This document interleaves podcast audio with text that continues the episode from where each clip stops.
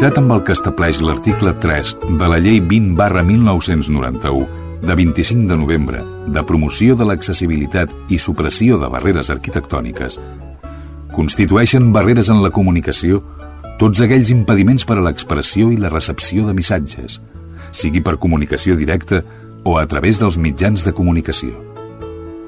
És per això que, emparant-nos en aquesta llei, volem que cada ciutadà gaudeixi del seu propi espai per moure's. Un espai sense censura. Un espai en què vosaltres sigueu els protagonistes. En definitiva, un espai per tothom. Benvinguts a Espai Vital. Benvinguts, benvingudes, ben trobats, ben trobades a la sintonia d'Espai Vital, el programa que treballa per la inclusió social a la nostra societat. Ho fem a través de les zones, ho fem a través d'internet i, com sempre, gràcies a l'estimable, inestimable col·laboració de diverses ràdios municipals. Són les de Barberà, Montcada i Reixac, Ripollet, Sabadell, Cerdanyola i també Santa Perpètua de Mogoda. Tots junts fem possible, coproduïm aquest eh, programa. Un espai que, per cert, realitzem una colla de persones, companys companys i companyes d'aquestes ràdios que ens envien les seves cròniques i aquí a l'estudi l'Alfredo Ángel Cano, bon dia. Bon dia. També la Teresa Viviu, la nostra Teresa, que és la cuinera adaptada de l'Espai Vital, bon dia. Bon dia. Avui la cosa va d'ous. D'ous. D'ous, però no diem res més, eh? No. Que la gent no me'l pensi per això, eh? No, no. Tenim avui a les vies tècniques Antoni Miralles, en Jordi Puy, que ens ajuda també, ens auxilia en tasques de manejament de les màquines. Tenim en Xavi Casas, que ens inspira i avui també hi aporta una entrevista i, evidentment, vosaltres, oïdors, oïdores, que feu possible que això funcioni, que funcioni aquest programa de ràdio. Si us sembla, feta la presentació, repassem-ne els continguts.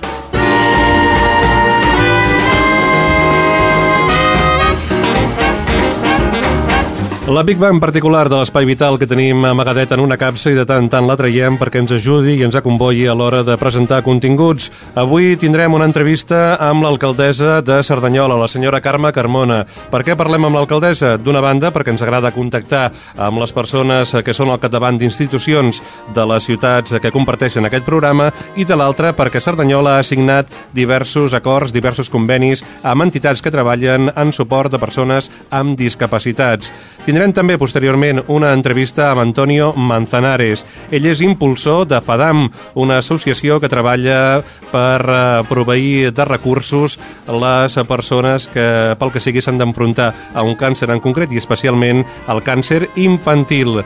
També hi haurà roda de corresponsals comarcals, tindrem l'espai de cuina adaptada i, com no, el nostre cercador, l'Alfredo Ángel Cano, que és com el Guadiana, que va apareixent i desapareixent, però que avui el tenim en viu i en directe. De tant en tant congelat, però avui ben viu, no?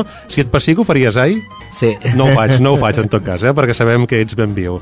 Si us sembla, feta les presentacions i recordant que aquest programa es grava als estudis de Ripollet Ràdio, estudis adaptats, nosaltres comencem. Si us plau, acompanyem-nos.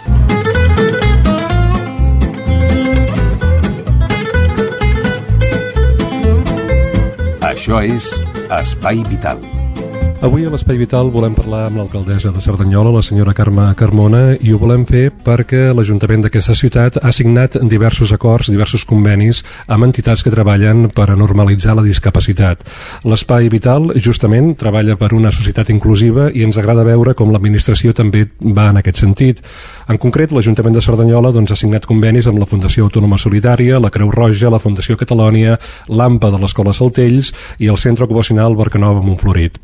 La senyora Carme Carmona és alcaldessa de la ciutat de Cerdanyola des del 16 de desembre de 2009 i fa poc, l'11 de febrer, l'Ajuntament aprovava, o aquest govern actual, format pel Partit dels Socialistes i Convergència, aprovava el seu pressupost per l'any 2010, on suposo s'encabiran aquests convenis i d'altres iniciatives que puguin sorgir en aquest sentit. Senyora Carmona, bon dia i benvinguda a Espai Vital. Bon dia. Uh, Carme, cinc convenis uh, signats en molt poc temps. Uh, L'oficina de premsa de l'Ajuntament ens ha fet arribar als mitjans doncs, justament aquesta informació. Uh, això, Carme, és una casualitat o és el fruit d'un treball fet al llarg de molts anys per la institució municipal a Cerdanyola? A veure, jo crec que és, en principi, el fruit d'un treball llarg, treball que Cerdanyola eh, la posen allà que al punt de mira en quant a solidaritat i, i col·laboració amb entitats de la ciutat. col·laboració de l'Ajuntament, però col·laboració de les entitats cap a la ciutat. D'alguna manera s'està fent Cerdanyola també a través de les seves entitats entitats diverses i variades, entitats, per exemple, de l'àmbit universitari, com és la Fundació Autònoma Solidària. Eh, suposo que l'alcaldessa és especialment contenta de poder establir ponts amb la universitat, de vegades eh, tan a prop però tan lluny. Suposo que trobar aquests punts de confluència, aquestes complicitats, eh, són bones per l'Ajuntament, la, per, per la ciutat. Bé, jo sobre, eh, sobre Autònoma Solidària en parlem, però eh, eh, em permetràs que digui que he volgut des de, des de que tinc la responsabilitat d'alcaldessa tenir aquesta pressa de contacte directe amb les entitats que estan desenvolupant programes eh, d'ajut a persones amb especials dificultats eh, i aquesta pressa amb la signatura en persona del conveni en lloc de, de que fos una signatura més burocràtica precisament per eh, doncs, tenir aquest contacte més directe i conèixer de primera mà quin era el contingut dels projectes que, que duen a terme a la ciutat. Quan el, la, Fundació Autònoma Solidària especialment contenta perquè apropa eh, l'autònoma a la ciutat i la ciutat a l'autònoma i la rectora amb, amb això, a més a més, eh, doncs té una especial, una especial dedicació i ganes i nosaltres també. Eh, Carme Carmona, doncs, el que ha fet eh, ha estat eh, un estat de la qüestió pel que fa a aquestes entitats que treballen amb el tercer sector, amb persones amb necessitats especials, com és el cas de les que comentaven que han signat conveni amb l'Ajuntament de Cerdanyola. Quina fotografia n'ha fet l'alcaldessa de la realitat d'aquestes entitats? Doncs eh, el que he comentat, no? les entitats eh, del tercer sector col·laboren amb la institució, allà on la institució segurament no tindria prous mitjans perquè requeriria doncs, un, un desenvolupament inclús eh, estructural molt important, allà hi compta amb les entitats. I les entitats poden comptar amb l'Ajuntament doncs, perquè des d'aquí els hi donarem el suport doncs, dintre de les possibilitats pressupostàries, abans en parlaves del pressupost, dintre de les possibilitats pressupostàries que siguin possible. No? En aquest sentit, manifestar que enguany, malgrat que hem treballat des de l'austeritat i amb un pressupost doncs, que ha de ser de contenció, en aquestes activitats mantenim la dedicació econòmica que ja es tenia els anys anteriors. Sens dubte aquestes entrevistes que ha tingut l'alcaldessa hauran estat cordials amb els representants de les entitats i suposo que també els representants de les entitats eh, i si no potser haurien de preocupar-nos li hauran demanat coses a l'alcaldessa. Eh, a banda de, del suport diguéssim ideològic que ja apuntava aquest suport de la institució eh, les entitats necessiten d'aquests recursos. Tothom està afectat per la crisi. No sé pas si aquesta crisi també afecta a les entitats del tercer sector.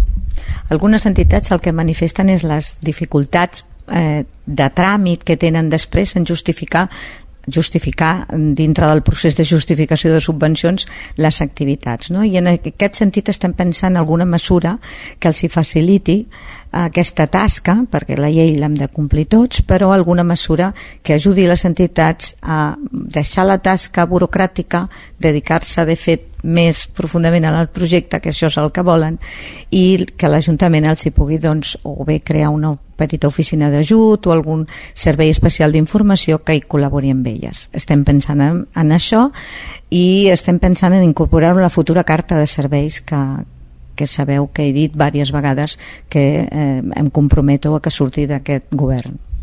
Un dels convenis permetrà que l'AMPA de l'Escola Saltells, que gestiona el servei de menjador de l'escola, pugui incorporar un monitor o monitora que tingui eh, infants que tenen necessitats especials a l'hora del menjar. És un tema puntual i concret, molt important, sens dubte, però també hi ha acords que donen servei a molta gent, com és el cas, per exemple, de la Fundació Catalònia, que té diversos centres a la ciutat, o el taller ocupacional Barcanova Montflorit. Eh, realment, alcaldessa, quan hom mira Cerdanyola i veu els centres que tenen a les persones persones, que ofereixen serveis a les persones que han de menester necessitats especials o tenen necessitats especials, som una ciutat capdavantera, en certa manera, perquè no només atenem la nostra població, sinó gent d'altres poblacions del Vallès Occidental.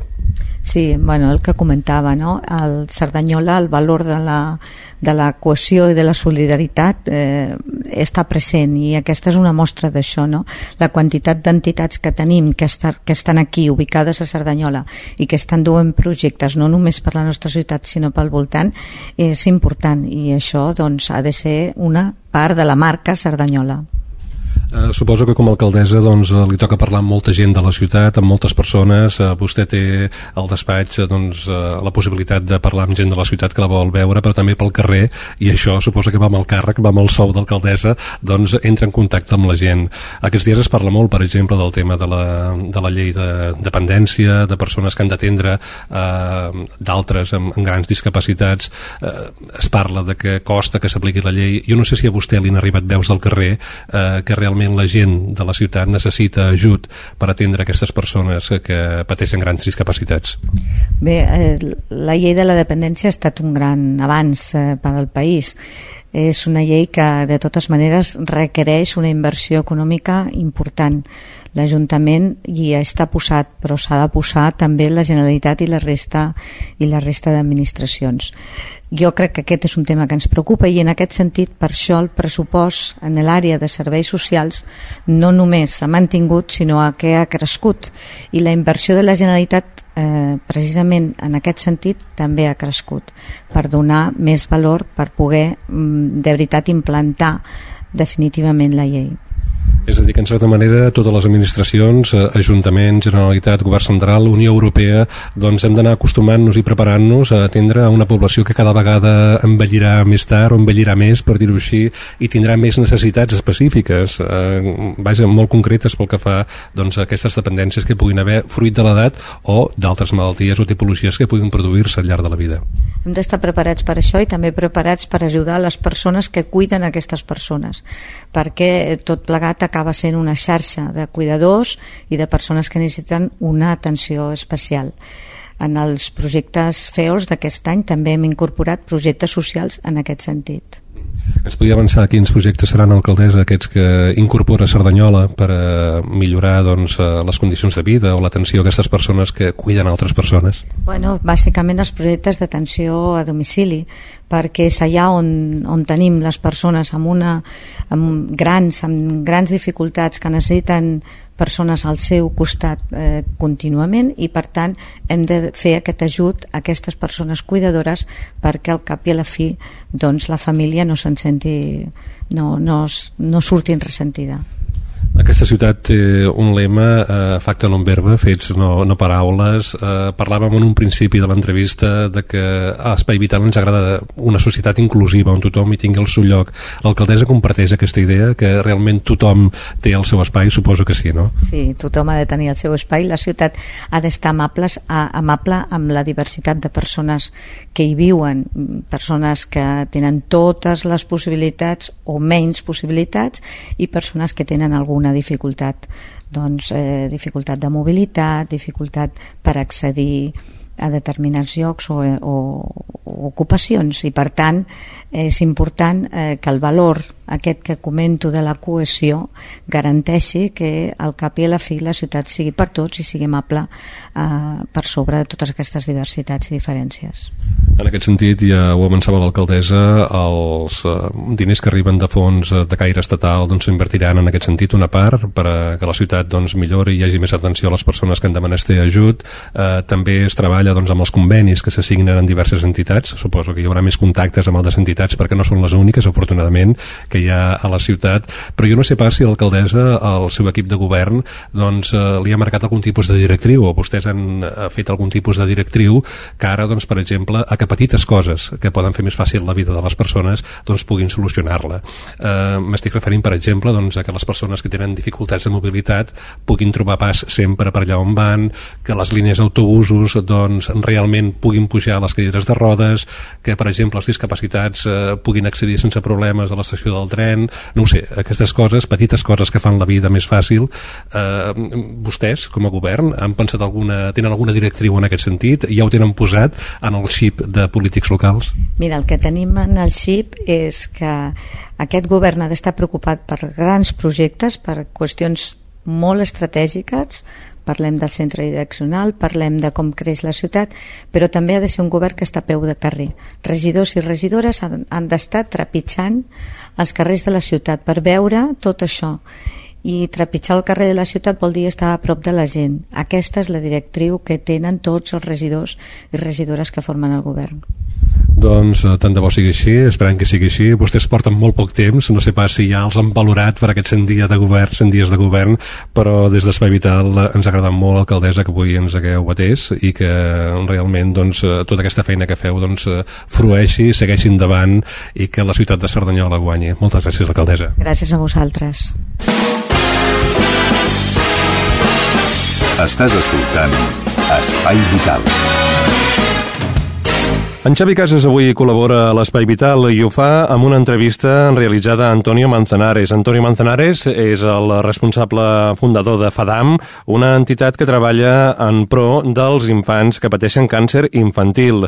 Fa pocs dies, el ministre de Treball, Celestino Corbacho, visitava Cerdanyola i Antonio Manzanares li lliurava una petició perquè els pares o les mares amb fills que hagin de menester tractament per càncer infantil puguin gaudir d'una baixa laboral. De fet, fet, és una pràctica que ja es du a terme a diversos països europeus i el que vol FADAM és que també s'apliqui aquí, al nostre país. Escoltem, doncs, el que Xavi Casas comentava i parlava amb Antonio Manzanares. FADAM de Cerdanyola reclama la baixa laboral per al pare o la mare d'un nen amb càncer durant el tractament o ingrés a l'hospital. Per parlar d'aquest tema, tenim a l'altre costat de la línia telefònica el president de FADAM. Ell és Antonio Manzanares eh, i volem tractar d'això. Antonio, bon dia. Hola, bon dia, Xavi, què tal? Eh, què vol dir aquest titular? A veure, m'he aixecat aquest matí, m'han donat el diari i, i em trobo amb això. Què vol dir? Que ara també tothom ha de poder agafar la baixa quan el seu fill està malalt? Explica'm una mica. No, mira, és molt fàcil. És a dir, eh, la, la llei, la llei que aquí en Espanya o qualsevol país del món, t'obliguen, entre cometes, a que quan un nen petit es queda a l'hospital ingressat, que es quedi el pare o la mare. Uh -huh. Un nen menor d'edat no, no pot deixar sol a l'hospital. Llavors estem parlant amb nens, en aquest cas que pateixen càncer, que tenen tractaments de quimioteràpia, són molt llargs, són operacions que a vegades també de llarga, de llarga, llarga durada a l'hospital. Llavors, clar, en aquest cas, si treballen els dos, treballen els dos, el normal és que un dels pares pugui estar amb el seu fill ja no dic els dos, però un, un dels dos pugui estar amb el seu fill, no? Sí. Llavors, clar, això és primordial, és primordial pel nen perquè es trobi més, més, més bé, s'arribi més aviat, és a dir, per aquesta malaltia tot el que és, el que és positiu eh, mm. és, és una milloria molt gran, una millora molt gran per aquest, no, per aquest nen, no? En aquest cas, eh, aquest nen estan amb el pare o la mare, doncs és fundamental. Llavors, si treballen els dos, què fan? Té que anar metge de capçalera que li dona baixa? El metge de capçalera no la baixa, però dona baixa perquè el vol perquè és una benevolència del metge de capçalera. Jo vull que això sigui un dret, un dret del, del, del, del, del pare o de la mare, no? I m'acolleixo a la Carta Europea de l'any 106, que sí, que sí ho reconeix, perdó, que diu que el nen eh, té que estar acompanyat al màxim temps possible dels seus pares o del tutor eh, la, la, la durada que estigui a l'hospital al nen. Uh -huh. Realment és, és, és, és veritat, és un dret, és un dret i, I, i, i fins i tot jo diria, és una obligació, una obligació dels senyor. pares acompanyar el seu fill en el cas de que estigui malalt. Clar. L'Antonio Manzanares, eh, ja ho he dit, és el president d'una fundació que es va crear aquí a, a Cerdanyola del Vallès a l'any 2006 ell tenia un fill amb càncer, aquest fill se li va morir i ell va decidir dedicar la seva feina i empenta per altres eh, persones que tinguin fills o que puguin tenir fills amb càncer. Molt bé, la iniciativa aquesta, en, en quin moment es troba del procés? És a dir, aquesta iniciativa de FADAM ha arribat al Corbacho, que és el, el ministre, però a, a, això ha d'anar a Cors. Eh, què s'ha de fer amb aquesta iniciativa? Bueno, això és, és que hi, hi, són, són molts punts, molts punts que, a tocar en aquest cas de la, de la baixa laboral per un dels pares, és un problema de, del Ministeri de, de, de Treball. Llavors, clar, això és un tema, per això vaig tenir l'oportunitat de, de parlar amb el, el senyor ministre, el senyor Trinista Corbacho, també de la, de la senyora alcaldessa, mm eh, que em va oferir aquest, aquest, mm, aquesta, aquesta oportunitat per parlar amb ell, perquè jo aquest senyor també va conèixer quan era president de la Diputació de Barcelona, sí. i va oferir a ajudar-me, llavors pues, va ser aquesta oportunitat per oferir-li aquest, aquest tema que pogués plantejar a Madrid, al Congrés, aviam si pues, mm, ho podeu, pot aprovar i, i així pues, aquesta llei ja sigui una, una realitat. De Després també estem parlant també el tema de la... De la és que hi, hi ha molts temes. Un, tam- un, també un tema molt important és les ajudes que donen per concepte de manutenció. És a dir, quan es queda, en aquest cas, es queda la mare o el pare amb el nen, actualment el Servei Català de Salut li paga 2 euros en 40 cèntims, mm -hmm. que són 400 pessetes, perquè aquesta persona, aquest pare o aquesta mare, pugui esmorzar, dinar i sopar. Això és una autèntica vergonya. 400 pessetes. Estem parlant d'una llei de l'any 77 que mai a la vida ha sigut ni modificada ni actualitzada. És un punt també que s'ha portat a terme. Estic en contacte amb el, amb el director del Pla Oncològic de Catalunya, el senyor Josep Maria Borràs, Sí. ja està tot això, ja està actualitzat, i només falta ja la signatura pel Departament d'Economia perquè s'arribi a terme. Després també vull també, per exemple, pues, que, que quan una persona, ja dic, si adult, un nen o un adult, un adult tingui un càncer i per efecte secundari de quimioteràpia se li caiga, pues, ai, li caigui el cabell i fa falta una pròtesi com són pues, les perruques, els caminadors, les ulleres, que a vegades també un tumor al cap pues, també porta aquestes seqüeles com poden fer falta ulleres i demés. Vull que una part, una part d'això ho pagui el Servei Català de Salut. Actualment no paguen res. Jo em semblava que això ja estava contemplat dintre del Servei Català de la Salut. No, no, no. no. Però parlant amb tu em dono compte que encara estem molt atrasadets. Estem molt, molt, molt. Així molt. com eh, països com Alemanya o França eh, s'hi contemplen aquestes coses, a Espanya ara mateix no es contempla. Res d'això. És a dir, mira, a, mateix, a la mateixa França, eh, els, els, els bolquets, els bolquets dels nens petits, Mm. li, li paguen tots. És a dir, li paguen quasi tot als, nens, als pares. Aquí, aquí a Espanya no paguen res. Ara mateix, per exemple, si un nen, quan ja té més de 3 anys, i té que ser una causa molt greu perquè li donin el- els bolquets als nens. És a dir, el meu fill tenia incontinència urinària, de, de, degut al tumor al cap, doncs clar, hi ha una part del cervell doncs, que, no, que els esfínteres doncs, no, no els, els controlava, després també pèrdua de, de, de visió, de- d'ulleres, després també fer falta un caminador, tot aquests aparells, ho hem de pagar tots nosaltres. Sí, Ho hem de pagar tots nosaltres. clar. No paguen res, ni ni plantilla, no paguen res. És una autèntica vergonya. Sí, sí, sí, sí. El que passa que jo sempre dic que és un col·lectiu molt petit, els nens, i cada vegada doncs, no se'n recorda dels nens, no?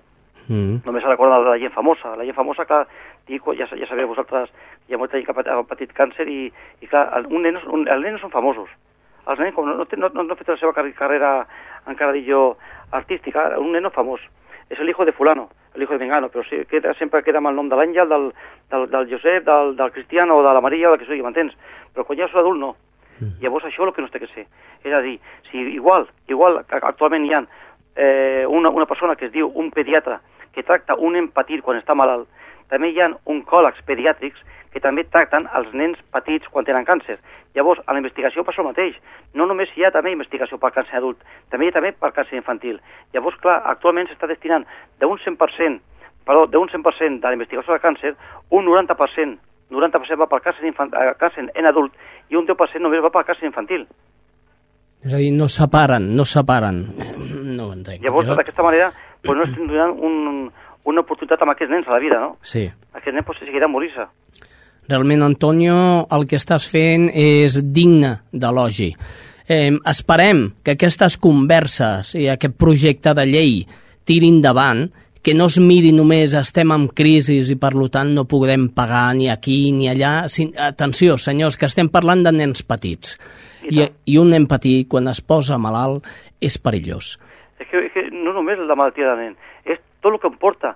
Són els seus pares, els familiars, i jo, jo he conegut molt, molts matrimonis que s'han separat, s'han suïcidat, Sí. s'han mort de, de, de, de, de, de, de pena. Sí, sí, I sí. d'això no es parla, eh? Molt bé, Antonio, eh, president de la FADAM, t'agraïm moltíssim que hagis atès els micròfons I d'Espai t'a- Vital. T'agraeixo a tu per, per, per oferir-me aquesta oportunitat. Home, només, fal només faltaria. Saps que entre tu y yo hay algo más que amistad. Antonio, muchísimas gracias. A vostè moltes gràcies. De veritat i molta sort. Gràcies, igualment. I a tirar endavant, com sempre. Gràcies. Molt agraït, eh? Gràcies. Adeu, adeu, adeu.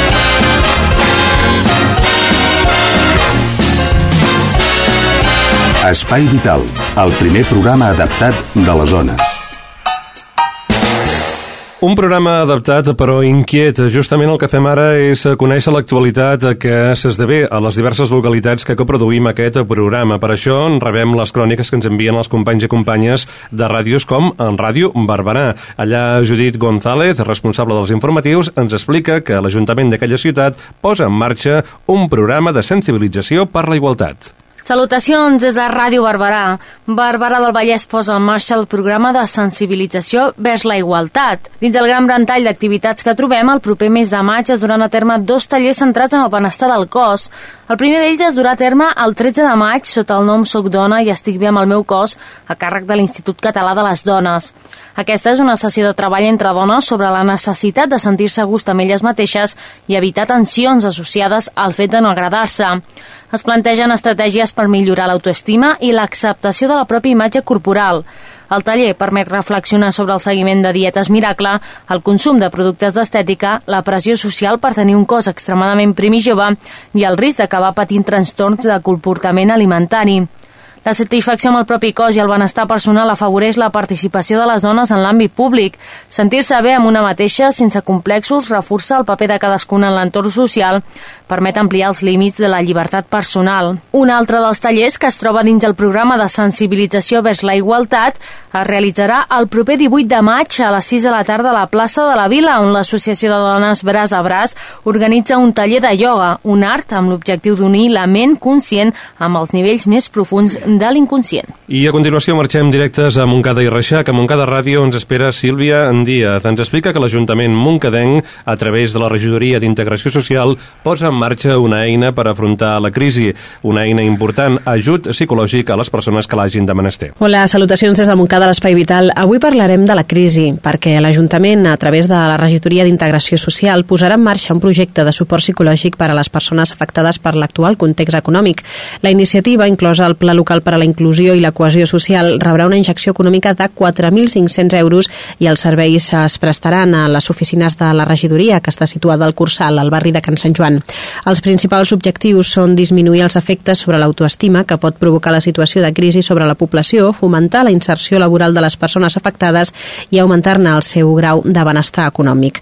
La presidenta de l'àrea social de l'Ajuntament, Anna Ribas, ha afirmat que la crisi és una realitat a la qual el pla d'inclusió no pot girar l'esquena. El projecte neix arran la constatació de l'ampliació de perfils que pateixen una situació de precarietat econòmica greu amb la conseqüent malestar psicològic que pot ocasionar aquest tràngol. Tanmateix, la persona que no treballa sovint presenta unes situacions eh, complicades, se sent exclosa i expressa un profund sentiment de fracàs que pot comportar problemes en tots els àmbits, domèstic, social, de salut, entre d'altres. Hem de dir que segons les últimes dades del Departament de Treball, a Montcada hi ha més de 3.000 persones en situació de desocupació.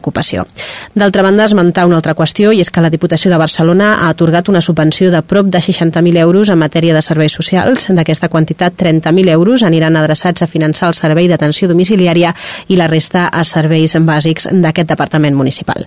Doncs bé, això és tot. Fins la setmana vinent. De Montcada cap a Ripollet, en Reme Herrera, dels serveis informatius de Ripollet en ràdio, la casa que ens acull i on gravem aquest espai vital, ens informa de la posada en marxa d'un nou cap a Ripollet. Serà el CAP 3. Salutacions des de Ripollet Ràdio.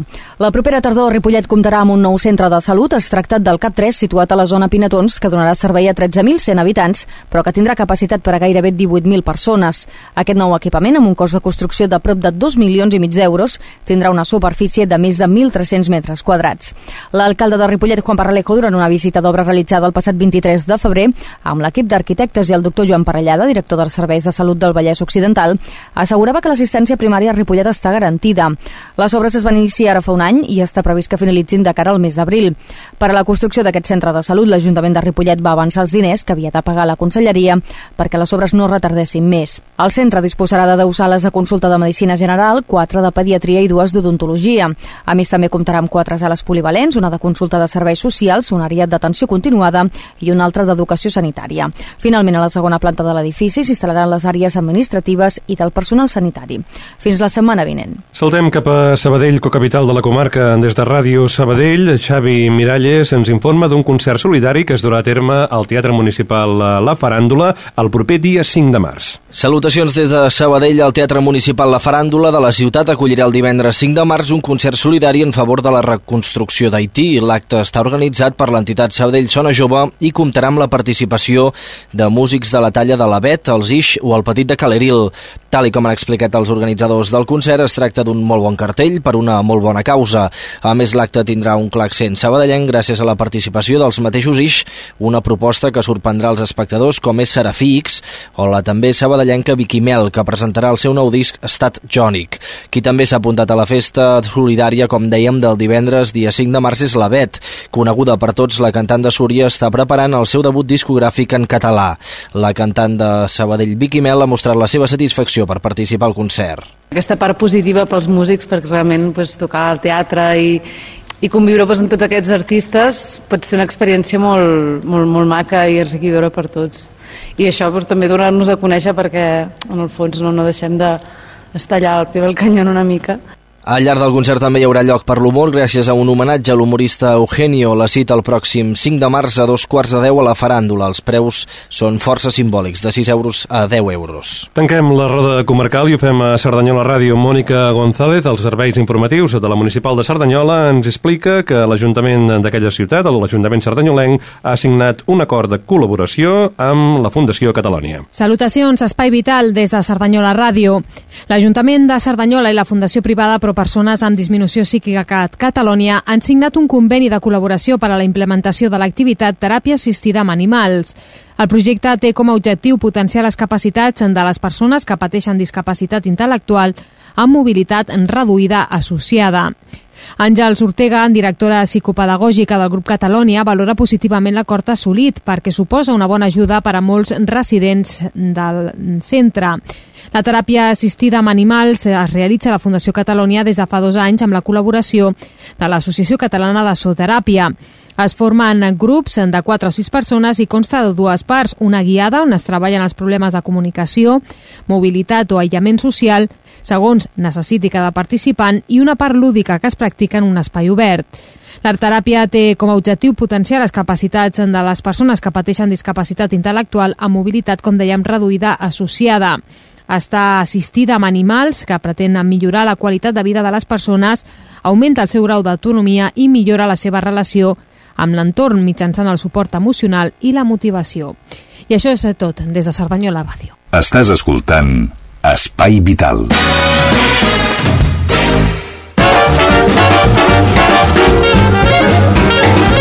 I és el moment del nostre cercador, és eh, l'Alfredo Ángel Cano, doncs, qui s'encarrega de cercar els continguts que troba més interessants del blog del programa, perquè Espai Vital, a banda d'un espai radiofònic, és una associació que treballa per l'inclusió social, per fer una societat diversa, emergent, on tothom tingui el seu espai i el tingui en igualtat de condicions, i també és un blog que podeu trobar cercant a Google, poseu Espai Vital, primera entrada al blog justament d'aquest espai, de l'Espai Vital. Val valgui la redundància més que mai.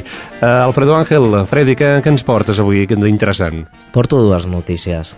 A veure, la primera és tots els electors amb discapacitat podran ser membres de les taules electorals.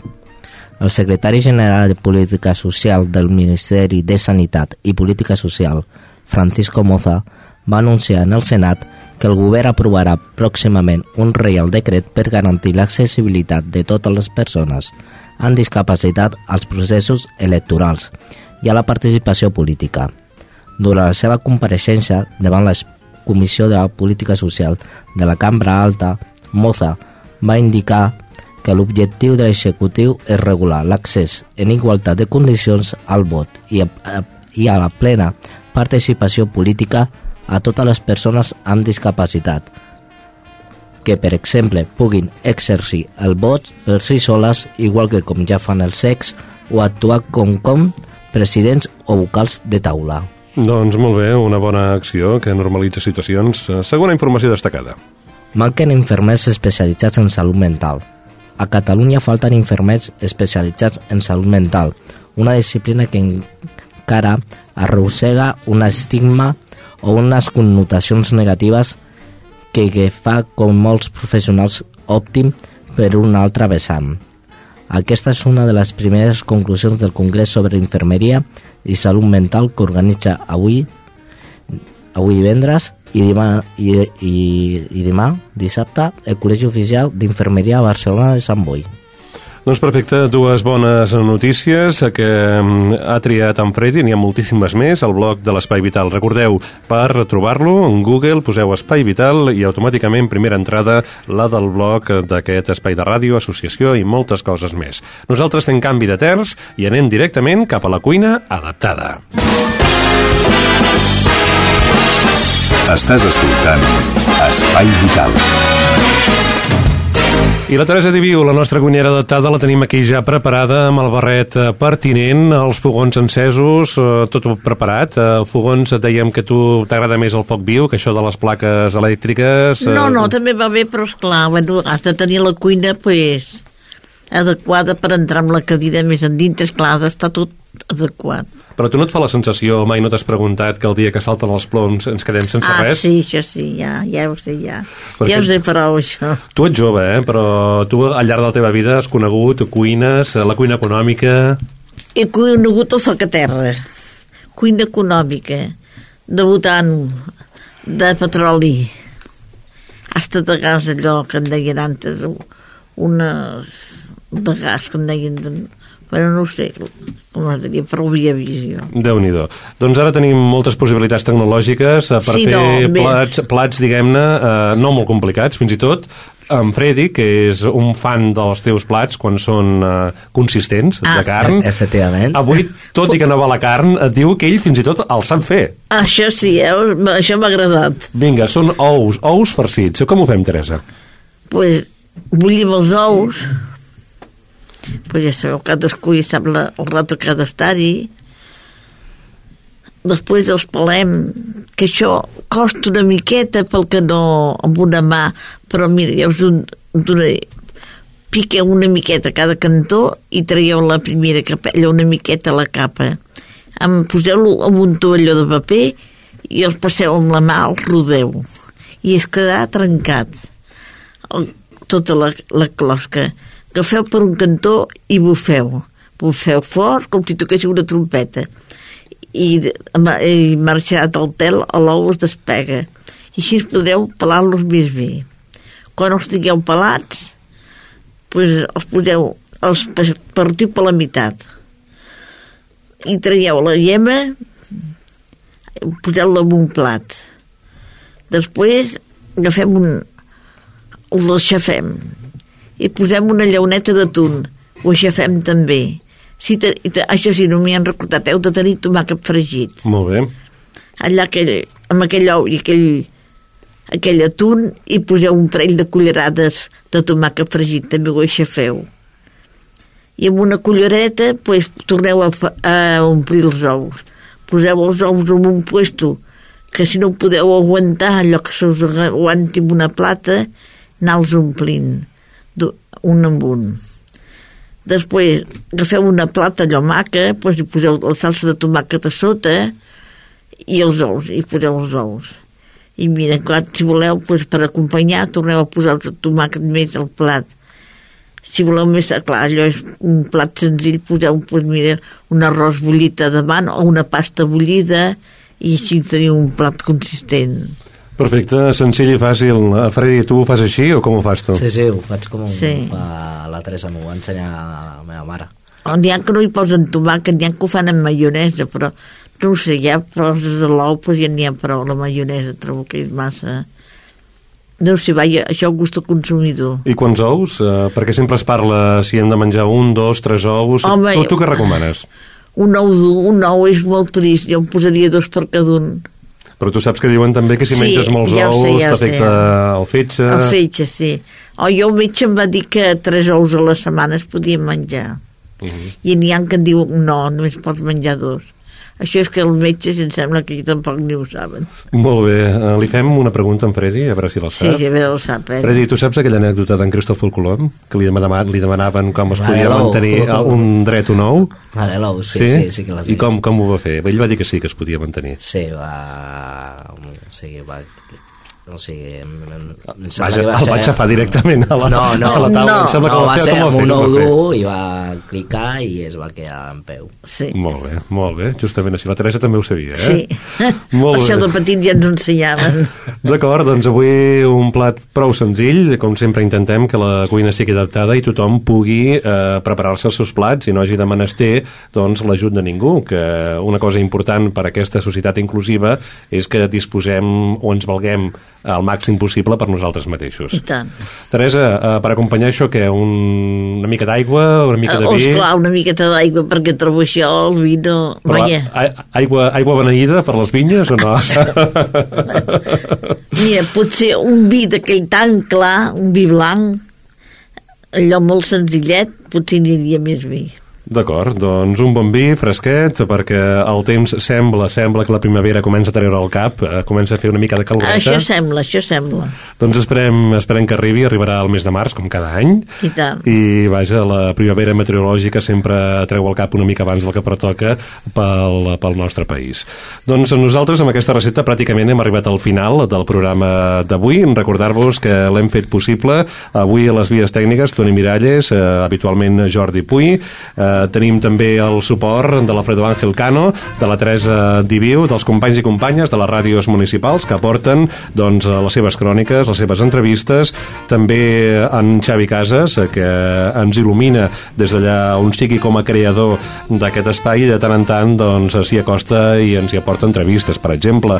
I un servidor, Jordi Jorba, aquí al davant del micròfon. Vosaltres, amics i amigues que hi sou a l'altra banda de l'aparell o de l'ordinador, perquè totes les ràdios emeten ja per internet, doncs també sou una part importantíssima per a aquest programa. Nosaltres marxarem, com sempre, ho farem escoltant música, són els Whiskins que ens porten el tema vitralls i res, recomanar-vos que la setmana vinent hi torneu, si us ha agradat, i si us plau, sigueu molt i molt feliços. Adéu-siau. Quantes